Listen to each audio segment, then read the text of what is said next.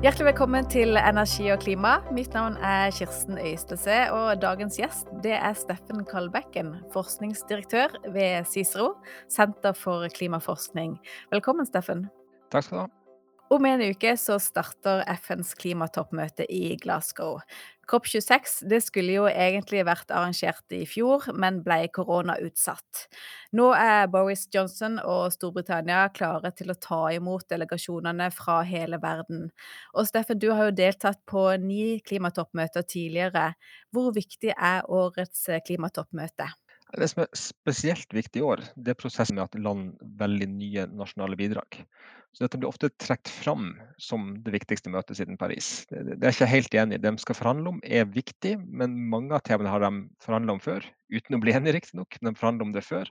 Så, så, det virkelig store annerledes i år er nettopp dette med at det skal meldes inn nye nasjonale bidrag fra, fra alle land. For dette er jo en del av Parisavtalen. I, i Parisavtalen så ble man enige om å begrense eh, den globale temperaturen til godt under to grader og ned mot 1,5 grad. Og så ble man også enige om at hvert femte år så skal alle land melde inn nye forpliktende og forsterka ambisjoner. Ja, det er riktig. For det man så i Paris for Da man forhandla, hadde man allerede fått inn de bidragene fra verdens land. Man så at de ikke var tilstrekkelige. Summen av de er en oppvarming på kanskje noe i underkant av tre grader, så åpenbart ikke godt under to grader. De visste at de måtte lykkes bedre over tid. og Derfor lager de det, det som de kaller ambisjonsmekanismen. Der det viktigste er at hvert femte år så sender alle land inn nye og forsterka bidrag. og I tillegg så også andre elementer der de bl.a. skal se på en sånn global gjennomgang, se hvordan ligger vi an samla sett. Eh, klarer landene å etterleve sine forpliktelser etc. Og det skjer da to år før eh, nye mål skal meldes inn. Og Norge var jo et av de landene som var relativt tidlig ute med å melde inn et forsterka mål. Men hvordan ser det ut nå en uke før eh, møtet starter? Ja, for å starte med det at Norge ute i tide, Norge var et av de landene som et av få land som holdt den opprinnelige fristen, som var noe sånt som februar 2020. Eh, eh, så ble COP-en utsatt, og da tok de fleste for gitt at det også var greit å, å, vente med å sende inn sitt bidrag. Mange land har nå levert. Norge som nevnt, EU, USA, men også noen veldig store, viktige land som gjenstår. Og fremst av de Kina, og også India bl.a. Klart Kina med nærmere 30 av globale utslipp er et veldig viktig land. Så hva de leverer er veldig interessant og veldig avgjørende for om vi klarer en betydelig innramming i dette femårsspranget. Er det forventa at de kommer til å levere inn enten i forkant eller i løpet av møtet? Det er klart det er en forventning. Det har også vært spekulert i om det skulle levere tidligere. På dette FN-toppmøtet som var for jul i fjor. På Bidens store møte i april var det vel, så var det en mulighet. Det har ikke skjedd tidligere. De har annonsert noen mål, sånn som dette målet om karbonnøytralitet innen 2060. Men det er ikke meldt inn under FNs klimakonvensjon. Så at de formelt melder inn, det, det er nok forventa at de gjør det enten nå rett i forkant av møtet, eller kanskje når de har nok slags stor annonsering i løpet av den høynivådelen av møtet som for en gangs skyld foregår i starten av møtet og ikke i slutten av møtet, som alle vanlig. Og eh, du nevnte Biden og USA. som eh, Biden delte jo for første gang som president på, på dette møtet og kommer med en, en eh, stor delegasjon. Uh, han jobber nå på høygir for å få med seg ny politikk som han kan vise at han får til noe hjemme også. Hvilke forventninger er det til, til Biden? Som du sa, han, han hadde jo dette klimatoppmøtet sitt, sitt, sitt egen møte i, i april. og ha, var en, Noe av det første han gjorde da han, da han eh, ble president, var å melde USA tilbake igjen i Parisavtalen, som, som Trump tok USA ut ifra. Altså, hva forventer man av, av Biden på dette møtet? Forventningen var høy når eh, Biden vant valget og overtok for Trump. Han innfridde jo delvis med en gang med å melde USA inn i Parisavtalen veldig raskt. Men men er USA et spesielt land. De har hatt en historisk eh, tendens til å hoppe inn og ut av avtaler. Det skjedde det samme med Kyoto-protokollen. De var med og drev den fram. De fikk inn mye av det de ønska i protokollen. Og så kom et nytt presidentvalg. Bush ble president, og de trakk seg. Så gjentok historien seg med Obama, deretter Trump noen år senere. Nå har vi fått en ny reversering med at Biden er meldt inn igjen. Så USA er nok ansett som en litt usikker partner. De fleste land blir bare forventa at de skal stille opp alltid føre en stabil, jevnt god klimapolitikk, mens alle er veldig godt kjent med eh, polarisering og uroen i amerikansk politikk. Eh, så er mange er nok forberedt på at det kan komme eh, problemer. Veldig mange vet at Biden har to år på å få gjennomført politikk, og så ikke sikre at demokratene lenger har flertall i, i huset. Eh, da kan det bli vanskeligere. Så land på den ene sida vet at det er nå, i løpet av de nærmeste to årene, USA trenger å levere på for å gjennomføre sine, sine nye klimamål. Eh, men også en forståelse, men en erkjennelse av at amerikansk politikk er spesielt usikker. Det er egentlig litt sånn rart at man godtar det for ett land, når alle land blir uglesett med en gang det er noe sprang eller hopp i klimapolitikken. Ja, bare kan forklare at man, man ikke legger mer press, men rett og slett bare godtar at sånn er USA? Det er at de er, jo, fortsatt et såpass mektig land at det er vanskelig å gjøre så mye med dem. Og så er det jo fordi det er så, så mektig land, det er mye informasjon om det, mye kunnskap om det, så har nok en mange, veldig mange større innsikt i innenriks amerikansk klimapolitikk enn i de fleste andre land. Eh, så noe det som gjør at den, reelle forståelsen er noe også, også større fordi innsikten er der. Så det er en litt sånn underlig posisjon at uh, de slett på en måte lettere unna dem enn jeg tror de fleste andre land ville gjort. Du nevnte at de, de, to store landene som ikke har levert oppdaterte mål ennå, er bl.a. Kina og India. Hva er det de må levere til dette møtet for at vi skal ha en sjanse til å holde oss innenfor Paris-målene? Kina er jo helt avgjørende. Med nærmere 30 av globale utslipp, så er vi veldig avhengig av hva de gjør for å nå de globale målene. Målet her i dag er at utslippene skal nå en topp innen 2030.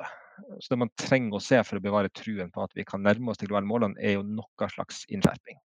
Jeg tror ikke det er så realistisk at de setter en tidligere måldato, at vi skal ha en topp innen et eller annet årstall før 2030, eller at de setter absolutt grenser i utslippene sine. Men de står fritt til å levere inn akkurat den typen mål de selv ønsker. Så det er mange andre måter de kan konkretisere det på.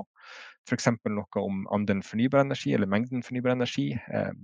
Opptak og binding av karbon. De kunne også forplikte seg til å redusere eller stoppe utbygging av kullkraftverk. Det er kanskje mest sannsynlige, men poenget er at de har ganske mange ulike måter å konkretisere sitt mål på. Eh, så håpet må jo være at de da er et tydelig skritt i riktig retning i det nye kinesiske bidraget. Og for Indias del? Er, altså India er jo en ganske annen posisjon. India er et eh, stort land. og Ikke så lenge så er de verdens største land målt i befolkning. Men de har jo veldig lave utslipp per innbygger fortsatt. Eh, de er ganske avhengig av kullkraft. Eh, så der er det jo ikke så sannsynlig at man, man får noen slags tak på utslippene, eller sånt, men også der noe mer i retning av en tydelig satsing på fornybar energi, f.eks. At man skal skaffe strøm til alle, men primært gjennom fornybare kilder, f.eks. Det er nok det som er mer i tråd med India sine muligheter og interesser. Hva skjer med de nasjonene som enten ikke melder inn nye mål, eller som melder inn mål som ikke er eh, nok, rett og slett, for å nå målene i Parisavtalen? Juridisk så skjer det ingenting. Det står eksplisitt i Parisavtalen at den er non-punitive, den er ikke straffende.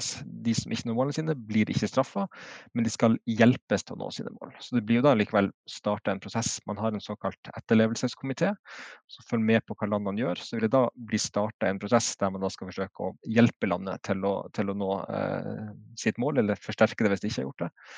Men det viktigste er nok ikke det juridiske, som er da veldig begrensa konsekvenser, men det politiske. Hva det betyr for landets omdømme, det press det vil møte fra andre land. Det er det som driver det framover. Og ikke bare andre land, land, men også innenrikspolitisk. Eh, de aller fleste land har jo etter hvert en ganske sterk eh, miljøbevegelse, dels også en fornybar energibransje, andre bransjer som ønsker et grønt skifte, som vil presse på. Så det er det politiske presset rundt det som er den sterke mekanismen, og ikke det juridiske som skjer under Parisavtalen. Og da kan også land som Kina og Russland og Brasil eh, la seg presse? De kan nok la seg presse. Klart, Jo større og mektigere det er, jo vanskeligere det å presse dem. Men, men, alle er jo avhengig av godt omdømme. De skal uh, eksportere teknologi. Du har jo også ting sånn som EU sin karbontoll, som de retter inn mot land som ikke har en tilstrekkelig høy pris på utslipp, eller andre reguleringer på utslipp. Så det er jo den type mekanismer gir jo også en slags straff til de som ikke leverer tilstrekkelig. Vi må snakke litt om hva det er som står på spill under selve møtet, og hva det skal forhandles om. Kan du si litt om hva som står på den faktiske agendaen, og hva er det viktigste som kommer til å skje på, på møtet i Glasgow? Ja, eh, På den faktiske forhandlingsagendaen så er det noe rundt 100 punkter. Eh, jeg vil kanskje spesielt trekke fram to av de. Den første er markedsmekanismer, eh, og den andre er nytt mål for klimafinansiering. Hvis vi starter med markedsmekanismene, så er det jo forsøkt to ganger tidligere å bli enige om det, og mislyktes. Det dreier seg altså om kan enkelt si at det dreier seg om kvotehandel. Det er ikke bare det, det er litt flere elementer, men enkelt sagt handler det om kvotehandel. Altså muligheten land har til å finansiere utslippskutt i andre land og få det godskrevet på et eller annet vis. Sånn som vi er godt kjent med med, med EUs kvotemarked? Ja, du kan se det er en variant av det, eller enda mer, det ligner nok enda mer på det som ble kalt den grønne utviklingsmekanismen, CDM. Det er ikke det samme, det er en sustainable development mechanism, og i tillegg eh, en mulighet for bilateral handel mellom land eh, gjennom såkalte ITMOS, Internationally Traded Mitigation Outcomes, er det vel. Så, så, så det er nytt, men, men allikevel nokså kjent. Eh, det som også er kjent, er jo hvor konfliktlinjen går her.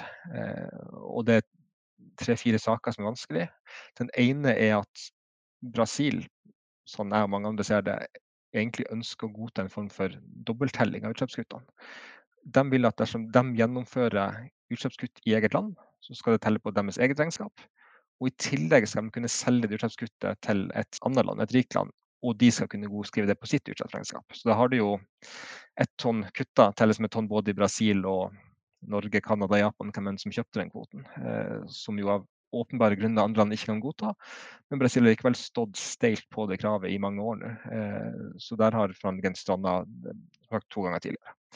En litt lignende situasjon gjelder dette med å overføre gamle kvoter fra Kyoto-protokollen inn under Parisavtalen. Eh, det er to litt forskjellige situasjoner. Det ene er land som sitter på store eh, mengder kvoter fra den grønne utviklingsmekanismen, eh, Brasil, India, Kina, som ønsker at de skal kunne videreføres. Og litt tilsvarende så sitter bl.a. Australia, men også Russland og Polen på store mengder overskuddskvoter fordi de hadde utslipp under det nivået de hadde lovt i Kyoto-protokollen. Så alle ønsker å videreføre dette fordi det har en økonomisk verdi for dem, eller det betyr at de trenger å kutte mindre under Parisavtalen. Men mange av de kuttene er jo da enten langt tilbake i historien eller er tvilsomme om de er reelle. Så derfor ønsker de fleste andre land ikke å godta at de her gamle kvotene skal inn under de nye markedsmekanismene. Men det har også vært stille fronter i flere år og, og to mislykka forsøk på å bli enig. Når, det, når eh, måte kampen har stått der, der den står fremdeles så lenge, der du har tydelige land som Brasil som, som ønsker dobbelttelling, og du har de landene som ønsker å få godkjent kvoter med tvilsom klimaeffekt, hvor sannsynlig er det at man kommer noen vei med dette på, på møtet i Glasgow nå? Det som ofte løsninga når det er den typen steile fronter og, og urokkelige posisjoner, er jo at man må dra inn andre forhandlingsområder. Eh, og klart, De andre forhandlingsområdene har i stor grad vært de samme fra år til år. Men en ny ting i år er et andre tema trekker fram, nemlig at de skal begynne å forhandle med et nytt mål for klimafinansiering. Så den muligheten da til å at et land oppnår en seier på ett område i bytte mot å kompromisse på et annet, er jo ofte det som er nøkkelen til, til å, å, finne løsninger. Det er ikke sikkert de kan få til nok på klimafinansiering i år. For det er ikke meninga at de skal bli enige med et nytt mål, de skal bare starte på de forhandlingene. Og så er det vel i 2024 de skal ha enighet om et nytt mål, som da skal erstatte og forsterke dagens mål, som er at rike land skal bidra med 100 milliarder dollar i året i klimafinansiering til fattige land. Eh, men det er i hvert fall et område der det er et potensial for at man kan gi noe på ett felt, og, og da måtte gi fra seg noe på et annet. Og hva er det nye målet man, man peker seg mot? Altså hva er det man håper å få til på, på klimafinansiering? Altså, det som er gitt, er et mål som skal være fra 2025 og skal være en forsterking av det eksisterende. Eh, jeg har ikke sett så mange tall på bordet, om det da er snakk om er det 150 er det 200 milliarder dollar i året, er det mer, det vet jeg ikke. Men det, det, det tallet og årstallene skal gjelde for, da, som det skal forhandles om. Man vet når det starter, men hvor langt fram skal det strekke seg? Hvor raskt skal man så fornye og forsterke det målet igjen? Eh, det er jo ting der man kan være noe å, gi og ta. Men siden det ikke er meningen at de skal bli enige om dette i år, de skal bli start på den prosessen, så er det ikke helt sikkert at det kan være en sånn, sånn år, selv om potensialet kanskje er der. Alle delegasjonene de kommer jo til eh, klimatoppmøtet med sin posisjon, og så foregår det et spill og forhandlinger og forsøk på å få oppslutning om, om det man sjøl ønsker å få til. Kan du forklare litt hvordan dette spillet foregår? For det første så er det jo ganske sånn strukturerte forhandlinger. De har noen forhåndsdefinerte tema de skal gjennom, en klar agenda. Eh, de sitter i store forhandlingssaler, eh, hvert land med sitt eget skilt foran seg og en mikrofon der de kan melde seg til å tale. Så det er da først de formelle forhandlingene der landene egentlig ofte bare gjentar sine kjente posisjoner, og, man får oversikt over hva andre land ønsker. Så brytes ofte opp når det er vanskeligheter i mindre grupper, til sånn både informal og informal informals, altså ulike grader av formelle forhandlinger som ofte man trenger å gå for å finne løsninger der land kan strekke seg litt lengre.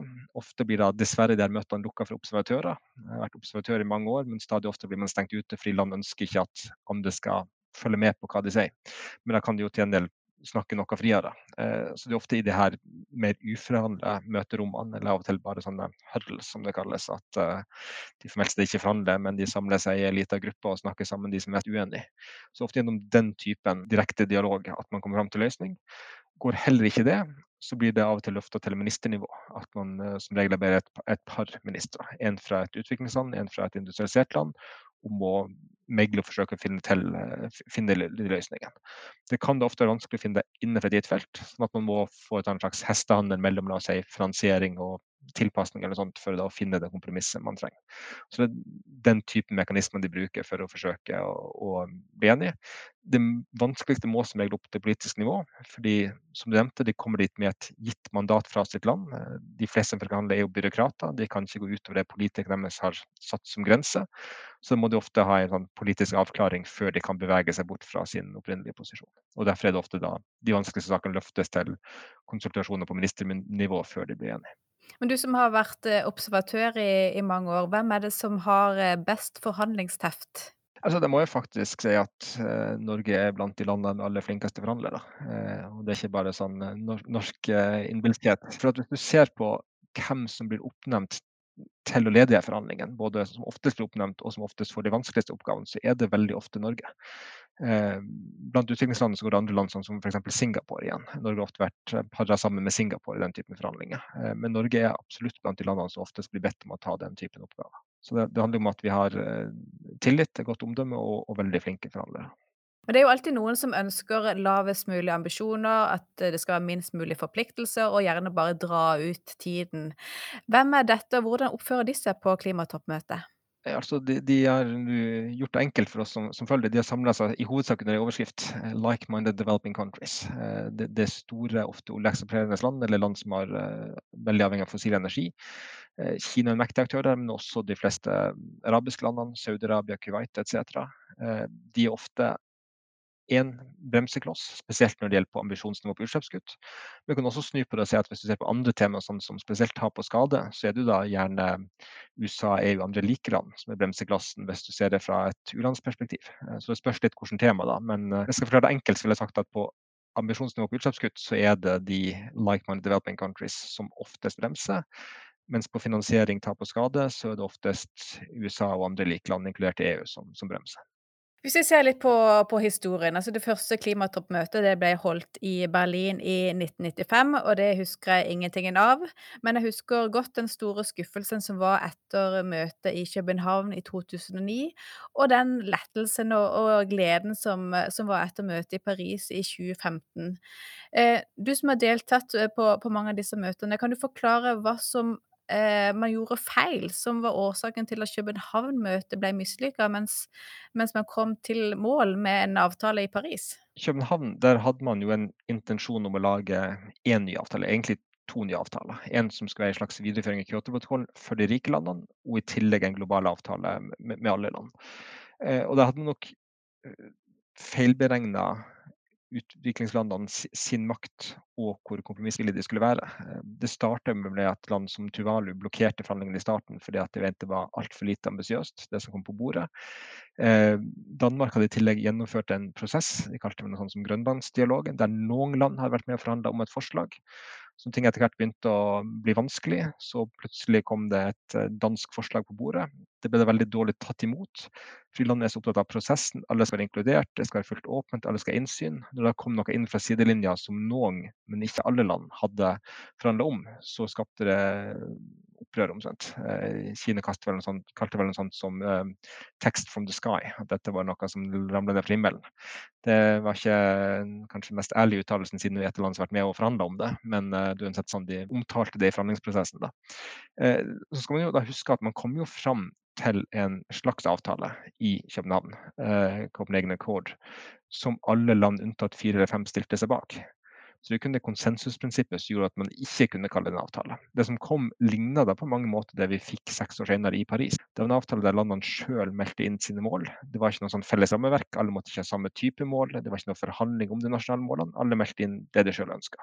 Det ble ansett som veldig svakt. Og så var det da fire-fem i hovedsak ganske små land som ikke eh, stilte seg bak dette.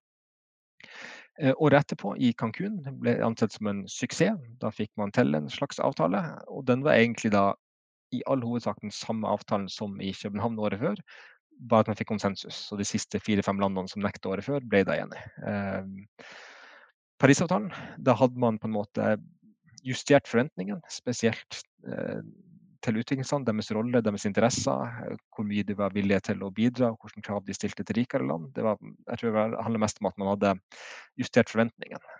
Så den avtalen de fikk i Paris, eh, er klart sterkere, mer ambisiøs, spesielt på globale mål, enn det i København. Men grunnprinsippet er det samme. Landene melder sjøl inn hva de ønsker å bidra med. Eh, så, så fiaskoen i København ga likevel på en måte grunnlaget for Parisavtalen. Man lærte den fiaskoen og forsto at når man kom inn med litt for høye forventninger til i hvilken grad man kunne ha et felles globalt rammeverk, felles mål, forhandle om de nasjonale målene. Eh, man forsto at den tankemåten ikke fungerte, og så justerte man seg. og Derfor blir Paris omtalt som, som en suksess og København en fiasko, mens det i, i bunn og grunn ikke var så enorm forskjell på de, de, de utfallene. Fikk Danmark noe av skylden for, eh, for København-møtet, at det gikk som det gikk? Altså, Hvor viktig er vertsnasjonen i et sånt møte? Vertsnasjon betyr mye. At de gjør et godt forarbeid, at de klarer å holde fornøyd, at de er inkluderende, er viktig. Eh, Danmarks statsminister gikk nok noen generaltabber. At denne gang han satt på podiet og, og mumlet et om prosess, prosess, prosess. Han var irritert på at man hele tiden skulle følge prosessen, inkludere alle, åpenhet, alle de prinsippene alle insisterte på. Han var veldig oppgitt frustrert. Dette skulle være deres store øyeblikk. De skulle skinne på den globale scene og, og dra i land en stor global klimaavtale, og så så de at det var i ferd med å rakne. Eh, så Danmarks statsminister personlig skal nok ha en del av skylda, i tillegg til at danskene ikke var helt godt nok forberedt. Eh, blant var nok eh, den måten gjennomført den der parallelle sporet på med den grønlandsdialogen slo nok ikke helt heldig ut. Men ofte gjort lignende ting etterpå, men måten de håndterte det på var nok ikke helt heldig. Så, så vertskapet betyr en del. Um, ofte så er det jo da med negativt fortegn. Eh, en ting er at det skal kanskje begikk noen strategiske feil. Andre ganger kan det være manglende kapasitet. At man ikke har stort nok diplomatkorps til å sende rundt og snakke med andre land og gjøre en forberedt på det som kommer. I Paris så er en del av det som lykkes. Eh, Frankrike har et stort og profesjonelt diplomatkorps, så de sendte da ut forhandlet, tok kontakt med veldig mange land på forhånd, drev mange prosesser på forhånd, sånn at vi er best mulig forberedt når de møttes i Paris. Så Der gjorde de et veldig grundig forarbeid i Paris, som en del av grunnen til at du lykkes der. Hvordan eh, vurderer du da Storbritannia som vertsnasjon i år, basert på det du har sett de har gjort i, i forkant av forarbeid? Litt likt Frankrike på en måte. Det er også veldig stort og profesjonelt eh, korps av diplomater. Men det har også vært en del mer uro rundt eh, forhandlingene. Eh, selvfølgelig pga. korona. Det ble utsatt et år. Eh, Storbritannia lovte så at de skulle sikre vaksine til alle delegater som trengte det, som ikke var vaksinert fra før av. Det har gått litt tregt. Nå tror jeg det kommer på plass, men inntil ganske nylig var det spørsmål om man kunne gjennomføre denne koppen, eller om det ville bli urettferdig fordi en, delegat, en, del delegater fra spesielt fattigere land ikke var vaksinert og ikke kunne delta. Det ser ut som de har fått det på plass, men litt sånn i siste liten. Det har vært mye uro om det ganske lenge. Eh, har de fått gjennomført gode nok forhandlingsmøter i forkant? Eh, så det har vært en del usikkerhet, eh, som ikke nødvendigvis er britene sin feil, men, men mye koronaen og britene sin håndtering av korona. Eh, jeg sjøl endte opp med å ikke reise til COP. På et tidspunkt så sa det at man ikke fikk lov å reise inn uten karantene hvis man hadde en blanda vaksine. Jeg har Moderne og, og Pfizer, én av hver. Det var ikke godkjent i Storbritannia en stund, så da sa jeg nei takk, jeg kan ikke reise. Så det har vært mye sånn rot med regler og den type ting også. De har også sagt på et tidspunkt at de ikke godtok vaksiner produsert i en del afrikanske og asiatiske land. Så de har klart å lage en del kluss rundt dette med koronahåndteringa. Hvor viktig er det for Boris Johnson å få til et vellykka møte? Klart det betyr mye, det, spesielt pga. brexit. De, de, må vise at de, de fortsatt er et stort og viktig land, at de kan klare dette uten EU å støtte seg på. Så dette er nesten det, det er deres anledning til, til, å skinne etter brexit. Så vise at de klarer å dra i land noe så stort og viktig. Og de har jo en ambisiøs nasjonal klimapolitikk, um, så det er også noe å, å bygge på der som, som noe er viktig for omdømmet til, til vertsnasjonen. Um, så, så, det er nok De ønsker veldig sterkt at dette skal lykkes og at de skal komme betydelig skritt videre. Og de også bidrar til denne slags hypen om at dette er det viktigste møtet, i hvert fall siden Paris, som jeg egentlig ikke enig i.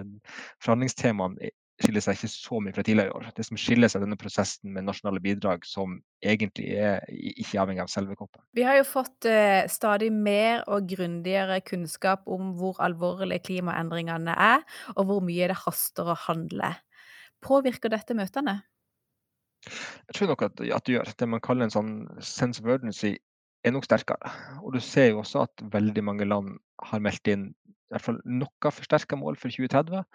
Det er også en sånn enorm bølge av eh, netto nullmål. Eh, så det er så mye diskusjon om hvor reelle de er og hva som ligger i de. Men det er jo nå over 130 land som har formelt annonsert eller sagt at de jobber med eh, mål for netto nullutslipp rundt midten av århundret. De fleste 2050, noen har litt senere årstall. Og lista er jo nå veldig omfattende, inkludert en del overraskende land, sånn som f.eks. De forente arabiske emirater og Tyrkia. Det er ikke land de først venter skal melde inn et netto nullmål, men det sier noe om, om det presser det på det. Jeg tenker det kommer mye fra den Eh, spesialrapporten fra FNs klimapanel om 1,5 graders oppvarming. For den gjorde det så klart at netto null, eller helst nullutslipp, er der vi mener opp eh, rundt midten av århundret for å klare godt under to grader og, helst ned mot 1,5 grad. Eh, så jeg tror det var litt sånn endre i, i, tankesettet der. Det holder ikke lenger med noen prosentkutt. Det endelige målet må være nullutslipp eller netto null. Eh, så, så, det har nok ført den store bølgen av og det er veldig fokuset på, på, på netto null. Um, så selvfølgelig kritikken, åpne kritikken er jo at det er lett å love ambisiøse mål langt inn i framtida. Det er jo viktigere hva de leverer her og nå og, og fram mot 2030. Så det har nok vært en større innstramming på 2050-mål enn på 2030-mål. Eh, så det er sånn, man, man, innser alvoret, og så er det litt lettere å love noe på lang sikt enn på kort sikt. Så, så det er litt sånn delt. Det, det er nok en større sånn sense of urgency. Man føler at det er viktig, at det haster. Eh, men så langt har det gitt seg større utslag på de langsiktige målene enn på, på de mer kortsiktige.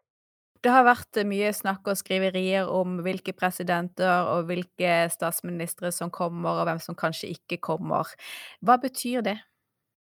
Det er et signal om viktigheten av klimaforhandlingene og den, den koppen som, som, er det året. Eh, det slags, eh, handler også litt om forholdet man har til vertsnasjonen, som gjerne vil at flest mulig statsledere skal stå på, på scenen der. Det har vært mye bråk, bl.a. rundt den australske statsministeren.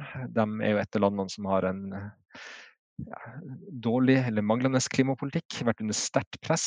Han sa først klart for at han ikke skulle dra, men det presset ble vel såpass intenst både innenlands og internasjonalt at han uh, til slutt måtte bøye av. Så, så vidt jeg vet, så, så skal han nå reise til, til, Glasgow. Det har vært noen beskjeder og kontrabeskjeder i, i løpet av dagene som har gått.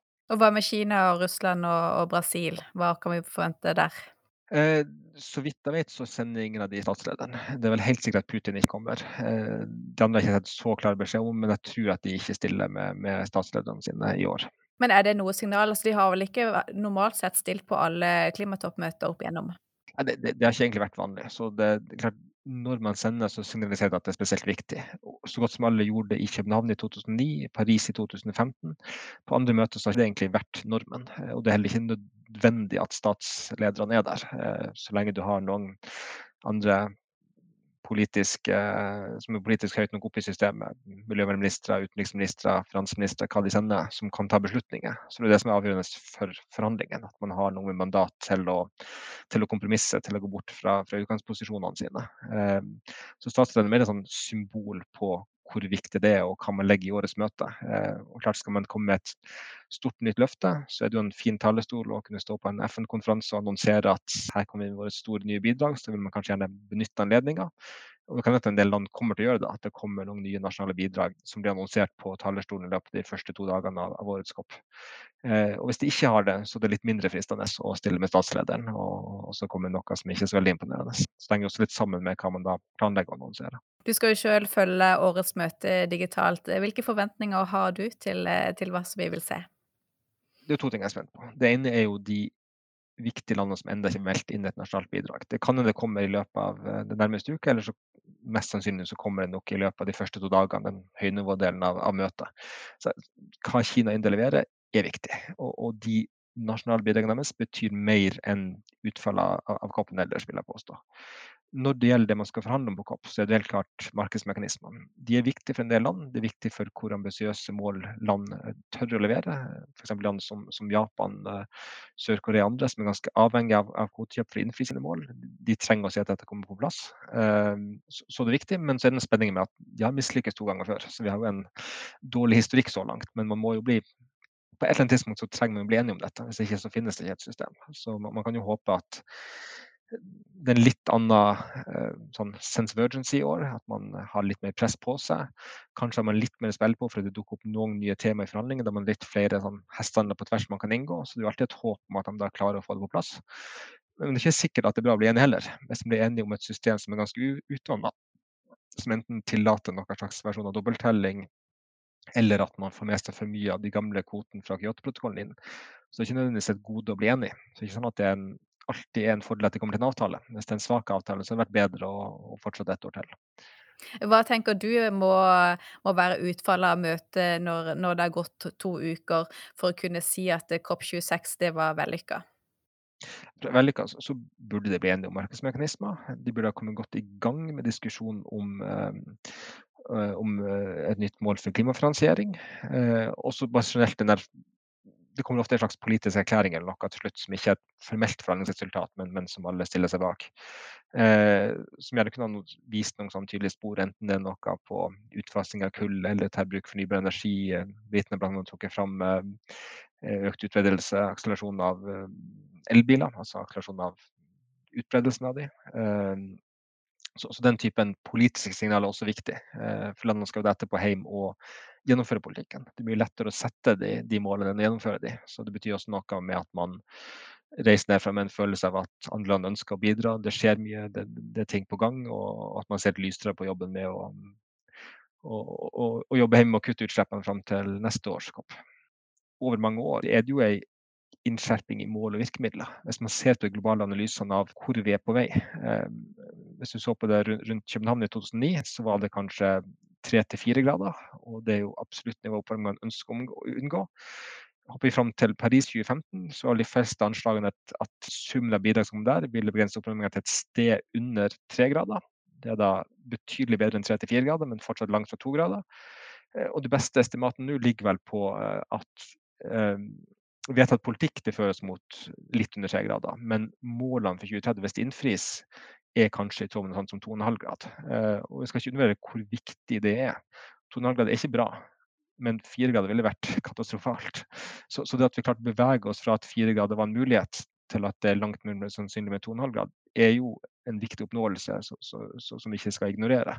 Og selvfølgelig trenger vi å fortsette. Vi, skal vi unngå mange negative konsekvenser, så trenger vi å se at det er mulig å komme langt under 2,5 grader også. Eh, men vi skal likevel ikke ignorere at alle utslipp skal til. Alt som kutter utslipp, gjør at vi unngår noen konsekvenser av klimaendringer. Eh, så det er viktig ikke å bli for fokusert på at vi, vi ligger veldig dårlig an med 1,5 grad, og for så vidt også dårlig an med å klare 2 grader. Det, det er ikke svart-hvitt, det, det, det, er gradsforskjell her. Og alt vi klarer å unngå på oppvarming, er positivt. Ja, for det går, det går for sakte og det går for seint, men likevel, det går i hvert fall i riktig retning. Ja, ja det er vel egentlig oppsummeringen. Det, det, det, går sakte i riktig retning. For sakte så langt, men det, går tross alt i riktig retning overordna sett. Mm. Da sier jeg tusen takk for at du var med i podkasten til Energi og klima, og så blir det veldig spennende å følge med på, på eh, klimatoppmøtet fra Glasgow og se hva som kommer ut derifra, både fra topplederseansen de to første dagene og forhandlingene underveis. Så tusen takk skal du ha. Takk for det. Takk også til eh, du som lytter på. Abonner gjerne på Energi og klima der du vanligvis hører på podkaster. Takk for i dag.